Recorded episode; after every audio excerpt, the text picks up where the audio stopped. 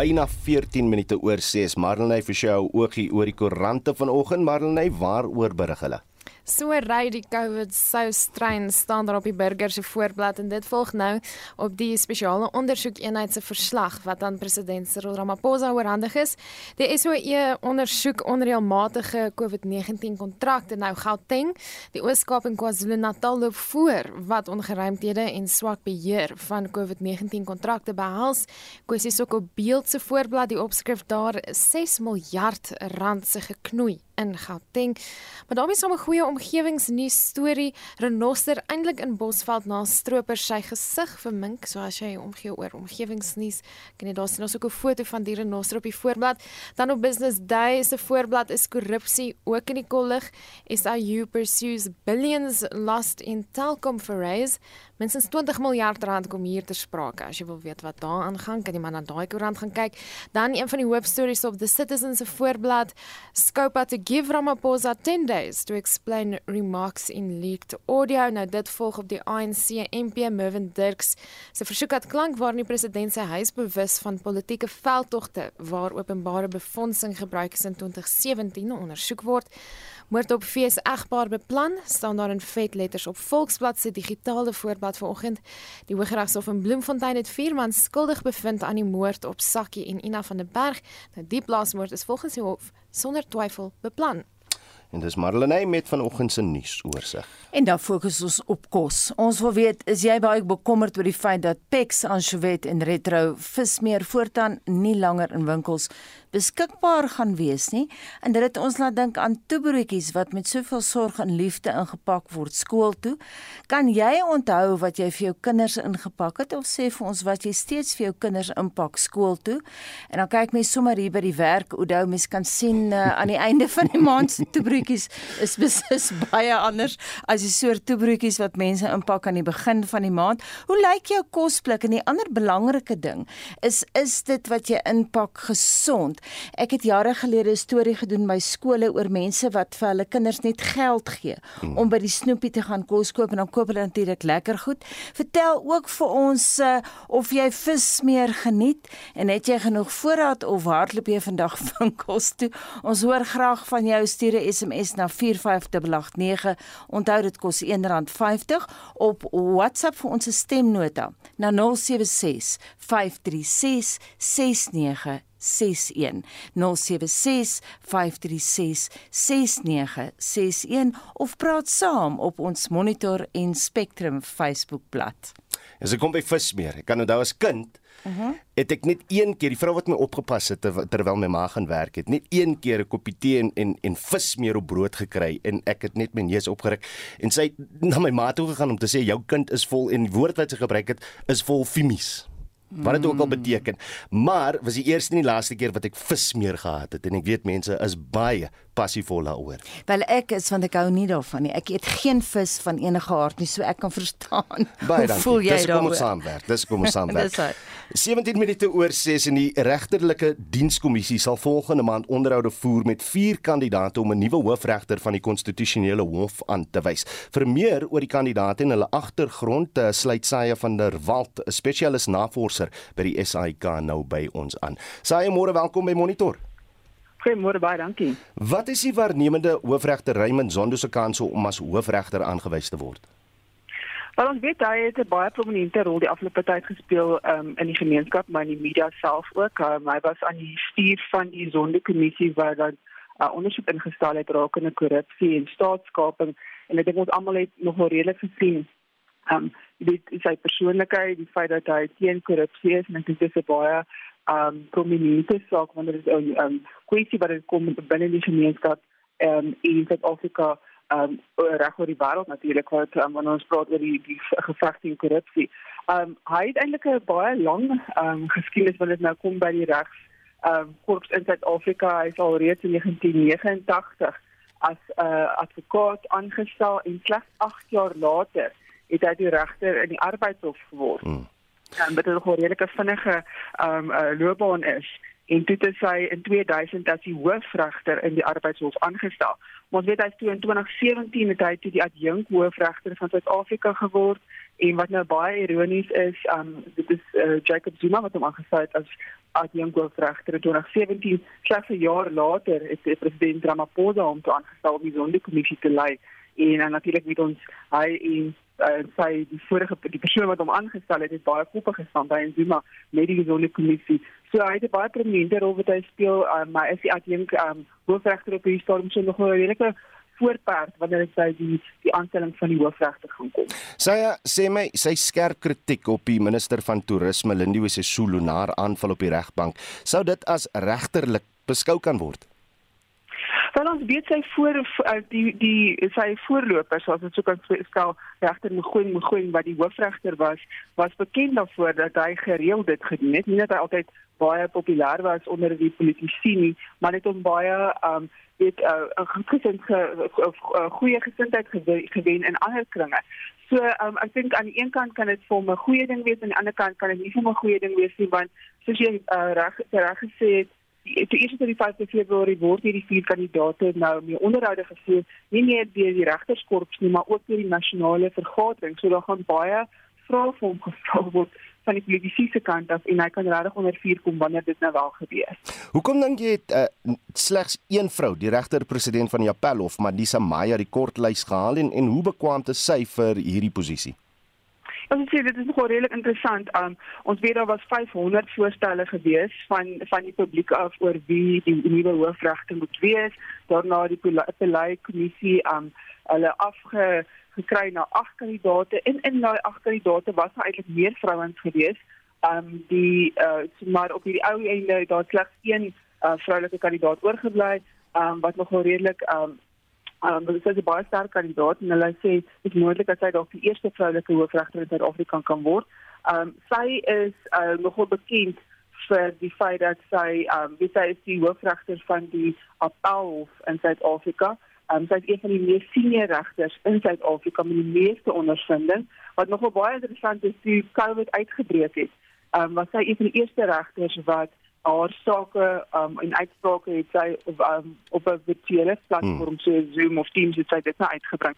So sy is nogal gekend daarvoor en sy hulle sê sy is baie baie um um, word opgelei is baie um, sy sy het reg kennis om dan as die hoofregter aangestel te word. So gaan nog interessant wees om te sien of sy wel um, tot daai pos verkies kan word. Die eerste, eerste vrou in Suid-Afrika om hoofregter te. Reg nog twee regters wat oor bly praat bietjie uh, saam met ons oor die jong regter van die konstitusionele hof van Boyiseli Madlanga. Wel, dit is interessant. Hy is um, hy is op 34 was hy die jongste regter in Suid-Afrika gewees toe hy aangestel is um, by die Mthatha Hooggeregshof en um, dit is nogal baie interessant geweest en slegs 3 dae na 3 jaar na dit het hy toe na die op 'n waarnemende basis by die Appelhof in Bloemfontein aangesluit waarna hy toe permanent aangestel is vinnig sy opgang gemaak en dit hy reg regter geword um, in die grondwethof waar ehm um, wie wou tans nog nou dien maar um, hy het baie 'n ryk geskiedenis as 'n regter gehad uit Suid-Afrika verteenwoordig in Nederland by die um, die Menseregte Kommissie en natuurlik was hy ook in toe die baie prominent was op die storm met die Marikana um, aanvalle was hy ook die hoof die hoof oor die bewyse wat gelewer word so hy het baie prominente rol daar gespeel. So hy het nog 'n redelike baie veld van van kennis wat hy opgebou het oor die jare. En dan laastens, uh, wat is regter Dunstan Blambo se agtergrond en hoe sal dit hom in staat stel om die belangrike posisie te beklee? Baie prominent in die arbeidshof. So hy het um, vir afgelope paar, paar jare is hy baie bekend vir dat hy vir die regte van van werkers veral uh, dat hy na dit omgesien het dat hy baie ernstig is daaroor. Um, in 2012 is hy deur deur oud-president Jacob Zuma aangestel as die regter president van die Hooggeregshof in Gauteng. Hy het baie prominente sake onder sy oë gehad. Um en ek dink een van die, die bekendstes wat ons almal kan onthou is in 2014 was hy aan die stuur van die Oscar Pistorius noodsaak geweest en hy het nogal geskiedenis daar gemaak toe hy um, gelaat het dat sekere gedeeltes van die moord van die saak um, dan op TV en op radio uitgesaai gaan word en daardeur is hy deur die media en deur baie dele van die van die land of gemeenskap is hy um, geprys en gesê dat dit is regtig 'n uh, stap vorentoe in terme van media vryheid. So um, um die afgelope tyd het hy oor oor baie ander prominente sake het hy oorsien. So uh, weer eens baie prominent, baie um um, uh, goeie 'n track record as mens dit so kan stel. Um, en natuurlik ook 'n goeie um, kandidaat om dan eers by die 5 Februarie aan um, die onderhoud te kan voer. En dit was spesialis navorser by die SAIK, Saya van der Walt. Corruption Watch vra vir strenger beheermaatreëls vir die regeringsverkrygingsprosedures. Dit volg na 'n verslag deur die spesiale ondersoekeenheid wat bepaal dat 62% van die afgehandelde ondersoeke na COVID-19 verwante verkrygings onreëlmatig was. President Ramaphosa het gevra dat die verslag bekend gemaak moet word en die verslag behels nie die huidige ondersoeke na korrupsie nie. Annelien Moses het al die besonderhede.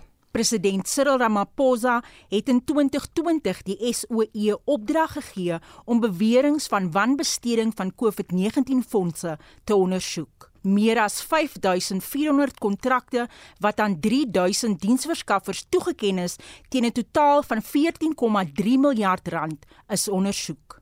Die waarde van die kontant en bates wat herwin moet word, beloop 551 miljoen rand. Die teenkorrupsiekampvegter Corruption Watch het die openbare bekendmaking van die finale verslag verwelkom. Die uitvoerende direkteur Karam Singh sê dit is 'n positiewe stap om staatsamptenare verantwoordbaar te hou. From the standpoint of transparency and accountability, that it's a very positive development that upon the completion of an SIU report that the president makes the report available to the public. Over the years, the SIU have completed many important anti-corruption investigations, and the public has never had any insight into SIU findings and recommendations. So just in principle, uh, the release of this report and the ability for us to scrutinize it as civil society and as the public is a very positive development. Die SOE het 224 sake vir dissiplinêre optrede verwys en 386 sake is na die nasionale vervolgingsgesag verwys. Die waarde van die potensiële verlies wat deur die ondersoeke afgeweer is, beloop meer as 114 miljoen rand. Ramaphosa sê die ondersoeke het individue en instellings geteken wat gedink het hulle kan die land se weerloosheid misbruik om hulle self te verryk. Hy sê dit is onaanvaarbaar dat soveel kontrakte deur spek was van bedrog. Sing sê Corruption Watch vra vir strenger toesigmaatreëls oor die regering se verkrygingsprosedures.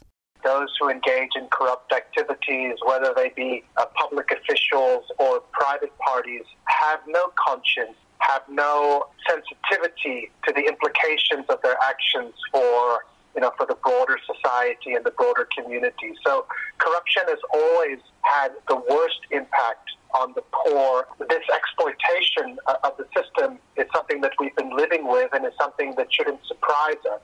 I think what we need to see, though, is commensurate action from government to ensure that this type of thing doesn't happen in the future. And that means much stronger preventative controls, particularly in the area of public procurement, because, uh, you know, once the money is stolen, it becomes very difficult to recover. Die president het sy waardering teenoor die SOE uitgespreek vir die werk wat die afgelope 18 maande sedert die proklamasie gedoen is. Ramaphosa het ook fluitjieblassers en ander getuies bedank vir hulle samewerking. Die verslag deur Prabashini Moodley en ek is Annelien Moses vir SAK nuus. Die Weskaapse premier Allan Windey het die staatsprokureur se kantoor genader om 'n onafhanklike regsadviseur aan te stel om die beweringe teen die geskorste LER vir gemeenskapsveiligheid Albert Fritz te ondersoek. Kobben August het meer besonderhede. Windey het nie die besonderhede oor die beweringe teen Fritz bekend gemaak nie maar sê die ondersoek moet so gou moontlik afgehandel word. Die ANC in die Wes-Kaap sê egter die wyse waarop Windy die saak hanteer, laat dit lyk of hy die situasie probeer toesmeer. Die leier van die ANC in die provinsiale wetgewer, Cameron Dugmore, Hier is iets nie pleis nie. Dit lyk vir ons dat daar 'n poging is van die premier gehelp deur die staande komitee voorsitter om die issue een kant te sit en nie na die publiek te kom na die lede van die wetgewer en sê dit is die situasie. Hulle kan selfs daai komitee in geheim hou, maar ten minste soek die lede van die ANC en die publiek hulle soek antwoorde. Wie is die persoon wat aangestel is om die ondersoek te doen? Wat gaan hulle eintlik ondersoek en wanneer gaan die ondersoek klaar wees? Volgens die voorsitter van die staande komitee oor gemeenskapsveiligheid in die Wes-Kaap, Regan Allen, is dit nog te vroeg om die saak en die beweringe teen Fritz openbaar te maak, aangesien dit nog ondersoek word. En dit is ernstige aan um, aantuigings en ook die complainants het gevra dat hulle moet anoniem bly op hierdie oomblik. So ons sal daai respekteer. Die Patriotic Alliance se Sammy Klasen sê indien Windy nie die besonderhede oor die beweringe van wangedrag teen Fritz bekend maak nie, sal die party voor die provinsiale parlement betoog. We demand transparency, we demand accountability.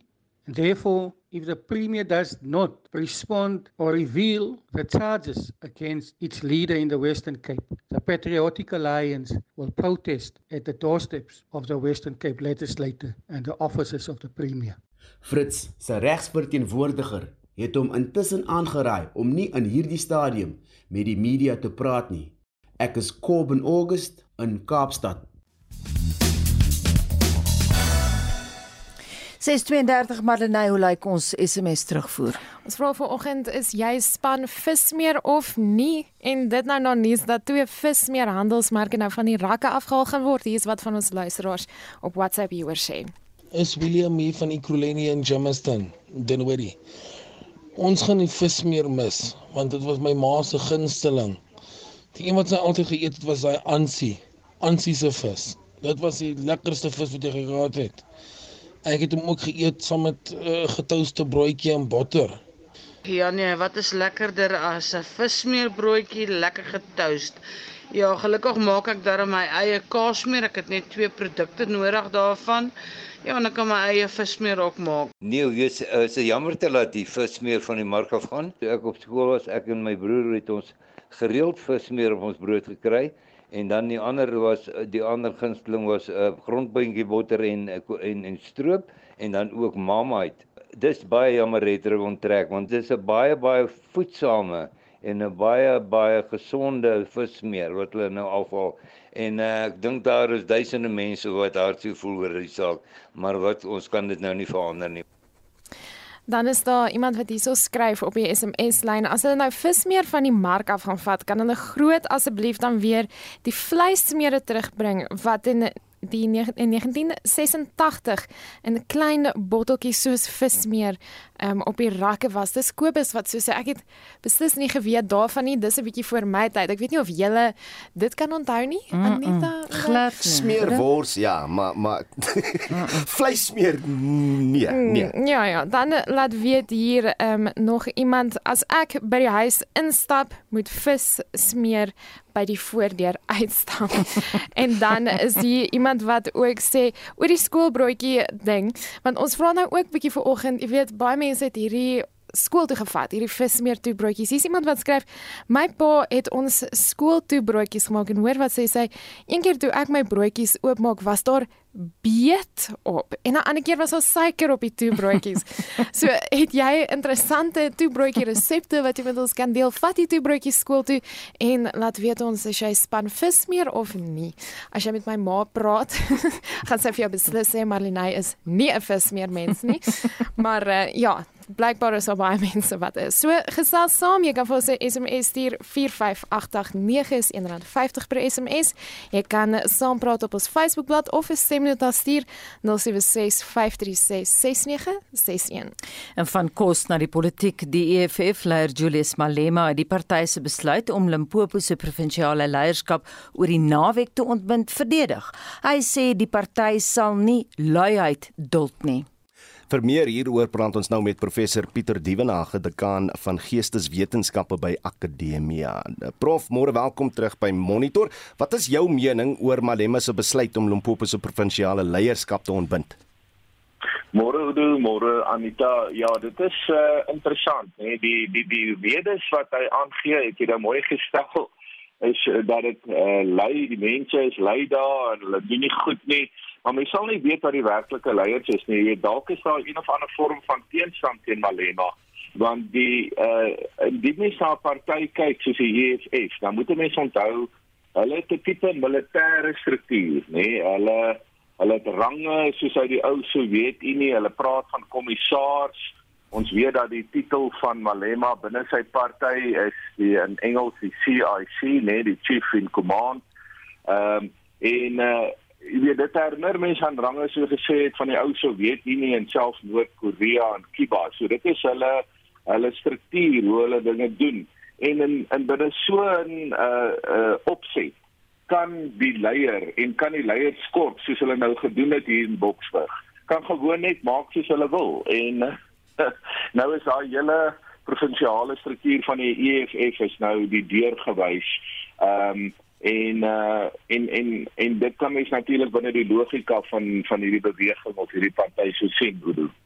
Pieter, ons weet almal dat wat politici nie openbaar sê nie noodwendig altyd die waarheid is nie dit verdoesel dalk iets anders wat agter die skerms gebeur maar ja. dink jy dat die Malema se besluit het iets te doen met die verkiesingsuitslae van verlede jaar Ek dink so Anita want as jy kyk, ek het nou weer vanoggend van die verkiesingskaart gaan kyk van die uh, onafhanklike verkiesingskommissie van uh, Limpopo.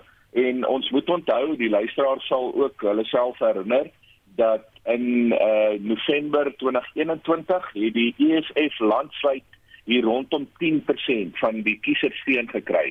En ek dink die EFF se hele um, jy weet hulle hulle leierskap was baie geskok daardeur want die EFF moes eintlik verlede November veel beter gedoen het as 10% landwyd.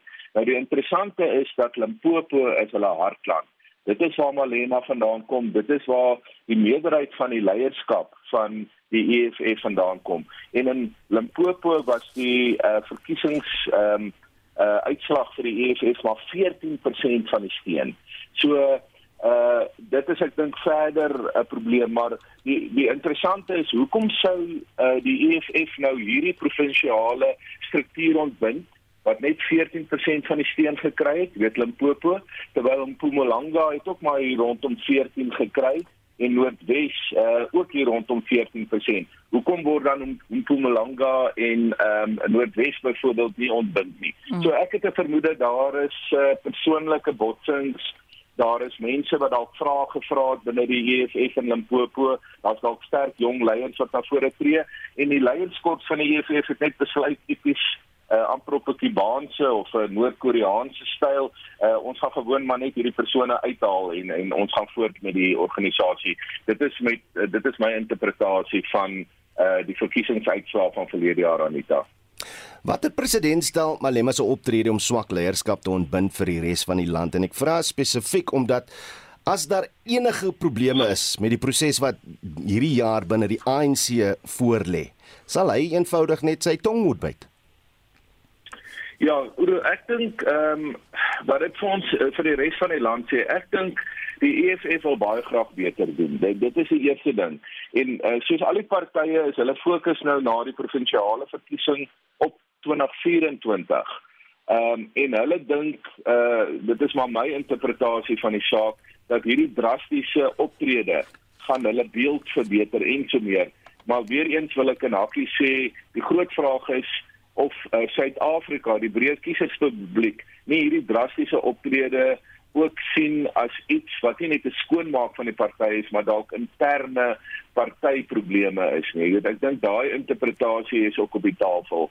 En uh, dan is die ander groot ding hoe ehm um, die die die groot vraag is net of so 'n militêre struktuur in 'n party uh enigsins uh, in 'n moderne demokrasie pas. Ek dink dit is die vraag wat baie Suid-Afrikaners vra of die EFF uh, se styl veral intern jy weet alwaar daar nie omtrent teenstand kan wees nie. Daar kan nie debat wees nie as die leier wat nou Malema is en sy mense om hom op 'n saak besluit het. Jy weet dan is dit die finale woord. Hmm. En ek dink ons Suid-Afrikaners het al 'n bietjie verder gegaan in terme van weet wat is die spelreëls van 'n demokrasie en wat verwag ons van partye om hierdie spel van die demokrasie te speel. Dis nou alles goed en wel, maar hoe sou iemand soos Malema, jy praat nou van sy Noord-Koreaanse, Kubaanse leierskapstyl, hoe sou hy dit kon aanpas? Ek dink Anita, dit is baie moeilik. Jy weet as mens kyk die hele die hele manier waarop die EFF funksioneer met die bereis, uh, met die rooi kleure, ehm um, is is verskriklik sterk uh deur so 'n tipe kom ons noem dit maar bestuurstyl uh beïnvloed. Nou die groot vraag is hoe verander jy dit, nê? Nee, hoe word jy nou ehm, 'n um, 'n 'n alternatiewe party? Nou ek dink daar is dalk uh jy weet binne die die ons politieke stelsel stelsel en binne Afrika ook ruimte vir so iemand soos Malema. Maar hy het klaar blyklik 'n plafon bereik hier by 10%. Ehm um, en ehm um, ek kan nie sien dat hy uh, intern homself kan hervorm of transformeer tot 'n meer konvensionele party nie. Ek dink hy gaan nog vir 'n ruk probeer om hierdie tipe politieke styl uh, te gebruik met die hoop daarop dat hy meer kiesers kan trek. Ehm um, maar ek het nie uh, baie hoop vir hom nie. Ek dink nie sy sy steenbasis kan baie verder as 10-15% gaan nie. Ehm um, en jy weet Suid-Afrikaners is oor die algemeen maar uh ook skeptiese skeptiese mense en uh Suid-Afrikaners hou nie eintlik van radikaliteit. Uh jy weet as dit buite beheer gaan nie. Daar's dalk forme van radikalisme wat Suid-Afrikaners nog kan hanteer maar uh, so radikale uh, jy weet sulke radikale simbole het uiteindelik ook hulle beperkings uh, wanneer dit kom by die Suid-Afrikaanse kiespubliek. Baie dankie dit aan die mening van professor Pieter Duvenage, dekaan van Geesteswetenskappe by Akademia. Dis presies 17 minute voor 7. Die Wes-Kaapse Hooggeregshof het die ANC LP Mervin Dirks se aansoek om sy skorsing te syde te stel met koste van die hand gewys. Dirks het 'n dringende aansoek by die hof ingedien om die ANC hoofsweep Pemi Majordina te verhoed om hom as lid van die staande komitee oor openbare rekenings rekeninge liewer te skors. Regter Andre Legrandji het bevind dat Dirks versuim het om te bewys dat die saak dringend was. 'n Straf, strafregkenner Dr. Llewellyn Kerloos, verbonde aan die Universiteit van Pretoria, verduidelik wat dit vir Dirks beteken.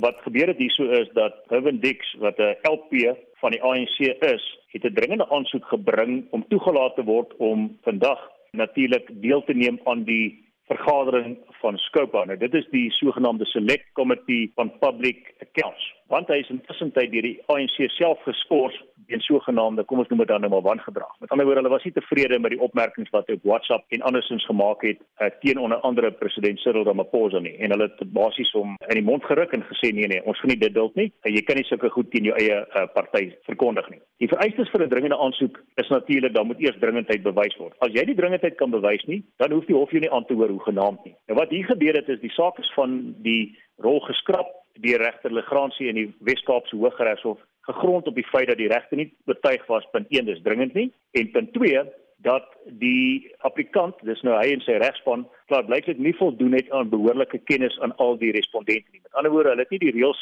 van die hof nagekom om seker te maak dat die respondente behoorlike tyd gegee word om te reageer op hierdie dringende aansoek nie. Dit is nou maar 'n diskresie wat regter het en as nie verby dringendheid kom op daardie eh, kom ons noem dit dan prosedurele vereistes onvoldoen dan gaan die hof nie eers die meriete van die saak aanhoor nie. Vandaar dat die feit van die dat die saak van die rol geskraap is, eh, beteken nie dit is die einde van die storie nie, dit beteken net die hof gaan nie by die stadium uh, aanhoor nie die meriete van die saak nie, maar op 'n ander dag weer teruggekom word hof toe as hy dink hy het nog 'n saak sodat daar op die gewone basis in die gewone siviele appel uh uh, uh aansoekrigtinge gehoor kan word of daar enige moontlikheid is vir die sukses van die saak al dan nie. Met ander woorde, wat ek vir mekaar wat ek mekaar regtig moet sê is vir nou is dit ten minste van die baan.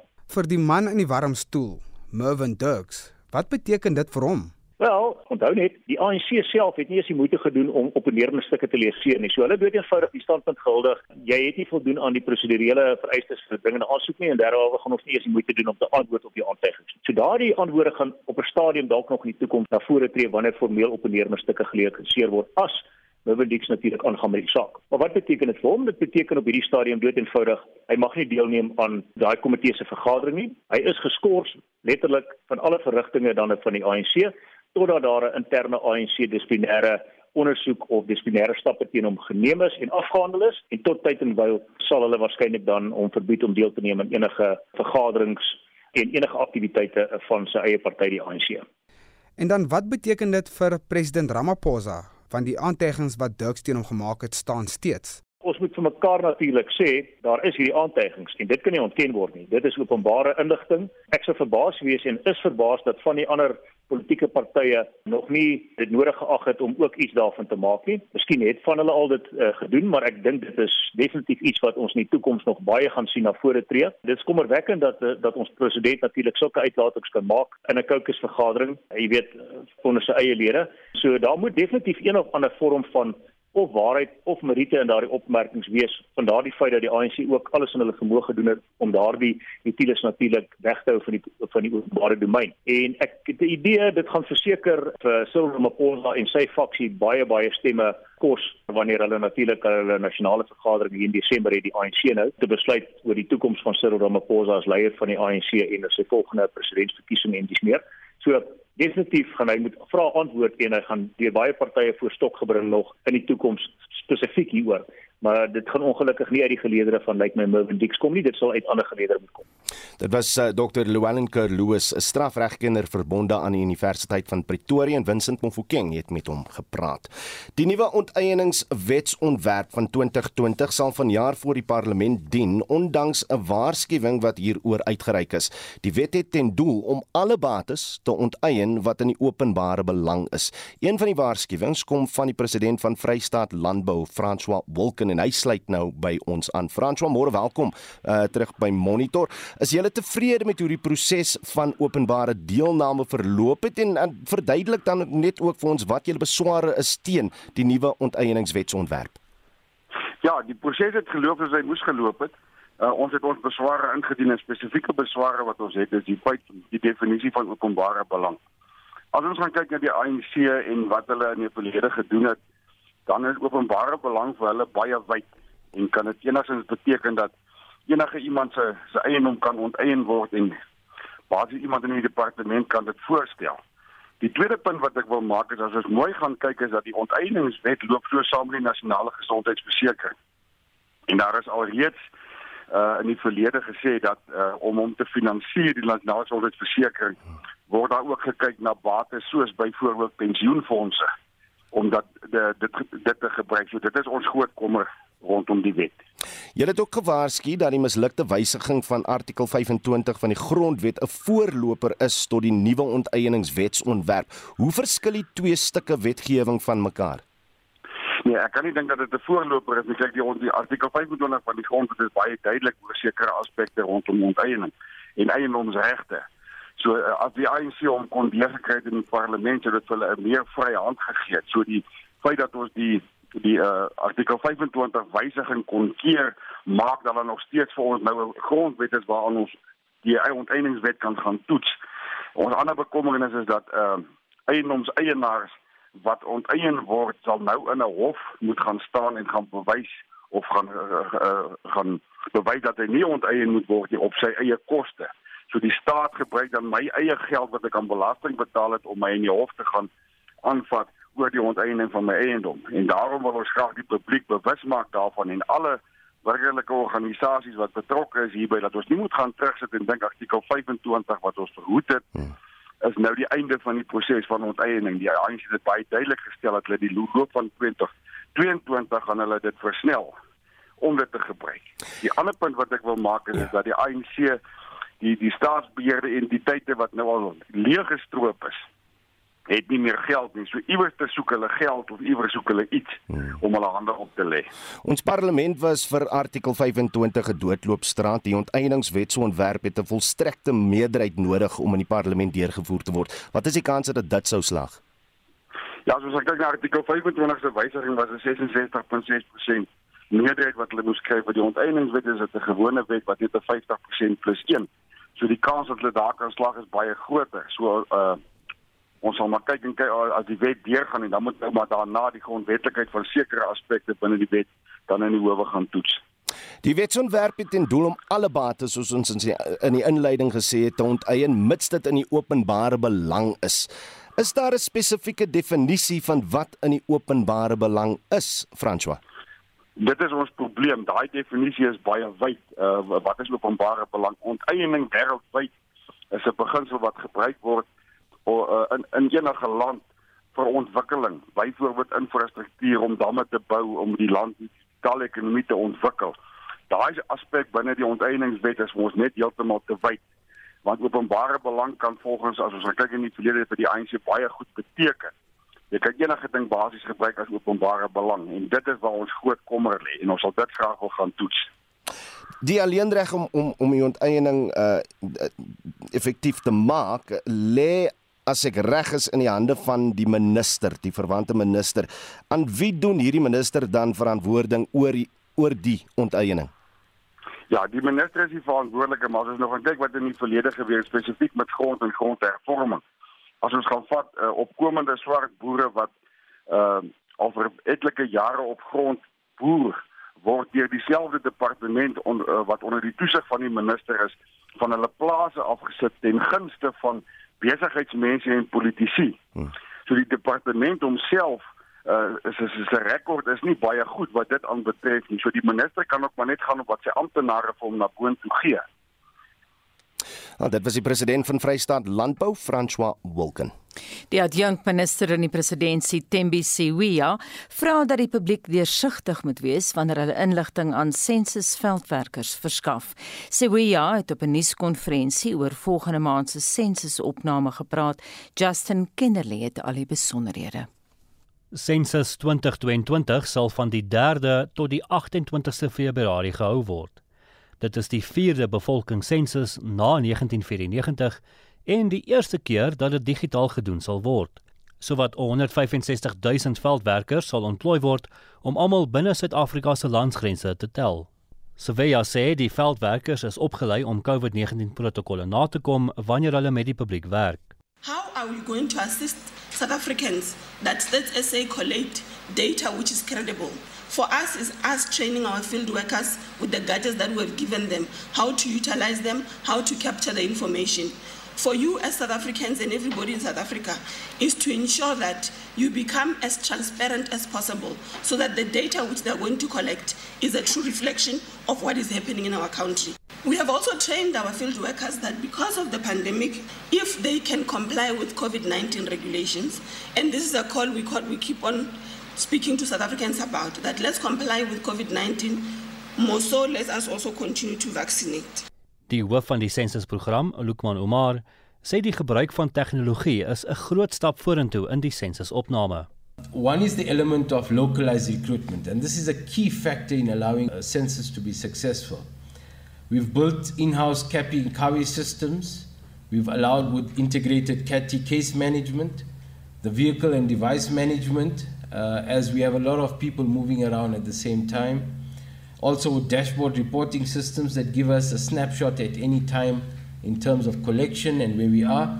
And again with field worker verification systems to give the public out there comfort that we are actually coming as a, as a field worker. 'n Amptenaar van Statistiek Suid-Afrika gee ook duidelikheid oor waarom die sensus nodig is. If you don't have these numbers, government can't plan. We need to plan for now, we need to know what's going on. But also if a child is born today, in 6 years that child needs to go to school. So there needs to be schools for those children. In 13 years, the child will need to go to high school. So we need to know where the high schools are. When they're 18, they need to go to university. And we need to know whether there's going to be enough. Then at 25, they want to get married and they want to start working. So you need to know whether there'll be jobs and whether there'll be houses for them. So a census is not just about today and planning now. It projects 66 years ahead. Die publiek word versoek om aanlyn te registreer vir die sensus.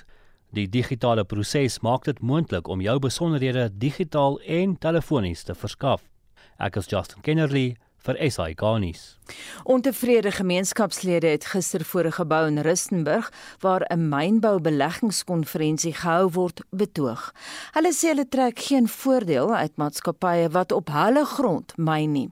Die betogers eis onder meer 'n vergadering met die minister van minerale hulpbronne en energie, Gwedi Mantashe, Vincent Mofokeng doen verslag. Betogende gemeenskapslede van Rustenburg sê hulle baat nie by mynaktiwiteite in die gebied nie. Hulle beweer ook dat hulle uit die 2-dag mynbou beleggingskonferensie uitgesluit is. It's really wrong they must come to the table ba re tlisetse dilo tse di re tshwanetseng they shouldn't just look at us e be ba nagana fela gore re mafofore we are not dogs we are not meant for crumbs Die groep het gister die konferensielokaal bestorm en aangedring om met die minister van minerale hulpbronne en energie, Kwede Mantashe te praat. Hy het hulle aanbeveel om 'n vergadering met hom te reël. You have not invited me. Okay, I'm in a conference. Mhm. If you want to talk to me, you are going to invite me, and I will come to your meeting the whole day. Minister. But to disrupt a conference from Performance Hotel is uncouth. Mantashe sê mynbedrywighede moet die omliggende gemeenskappe bemagtig. Social labor plans must help communities develop. And it doesn't mean that every mining company must build a community hall and another one build a, a, a sport field and that they must pull the resources together and give that money to impact projects. Give it to impact projects, make an impact to community. Die konferensie gaan vandag voort.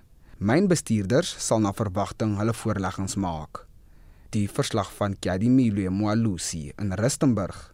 Ek is Vincent Mufokeng vir SAI Garnis. Marlenae lyk daai SMS terugvoering. As jy span vis meer of nie, nou luister my so na die stemnotas, lyk dit of ons hier in die ateljee in die minderheid is op hierdie stadium. Simon hierso. Ek is definitief span vis meer. My vrou is baie baie bly alhoewel dat vis meer van die mark af gaan. Dit het so erg geraak dat ek amper moes kies tussen haar en die vis meer. Daarom hoef ek nou nie meer te kies nie. Andersins sou ek wel baie gemis het. Nou kom vat hulle red rou nou van die mark af want uh, ek het nog steeds 'n botteltjie red rou chili vismeer in my yskas en ek is versot daarop. Ek sal 64, ek het groot geword daarop en ek gaan dit wragtig mis as dit van die mark af moet gaan. Dis Nikki van Gauteng.